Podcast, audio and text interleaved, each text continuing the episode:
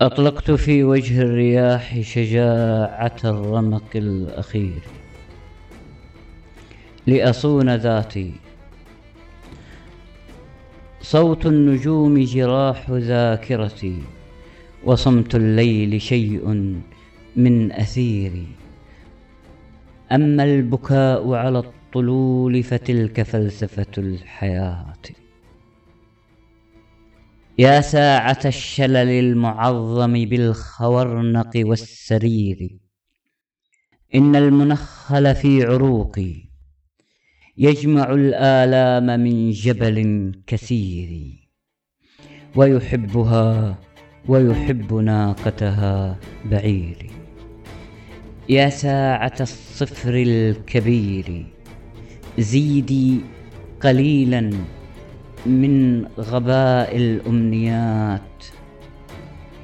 وترنحي حولي جنائز من حرير وإلى الخيال إذا أردت فلا تسيري لقد التقينا دون ذنب واحد لكنه طبع اللغات. فقد التقى بالجذر غدر مع غدير أما المصير فما حزنت على مصيري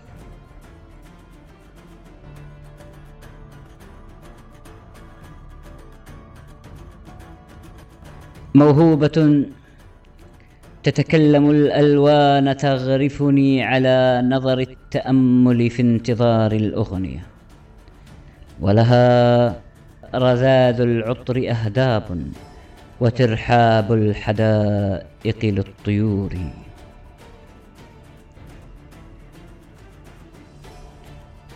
جفن ووجه كالوضوء إلى الصلاة لكنها مما تلعثم في لسان الأودية.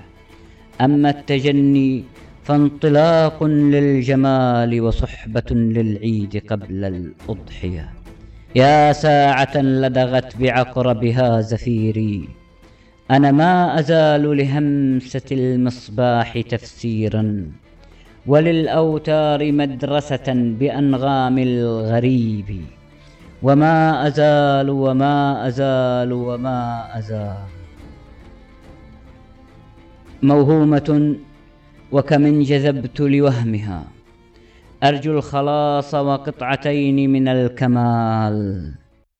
وإذا التعمق بالمحال خطيئتي خادعت إقدامي بفبركة الخيال. أنا مخطئ جدا ولكني على وتر تذبذبه الإجابة والسؤال.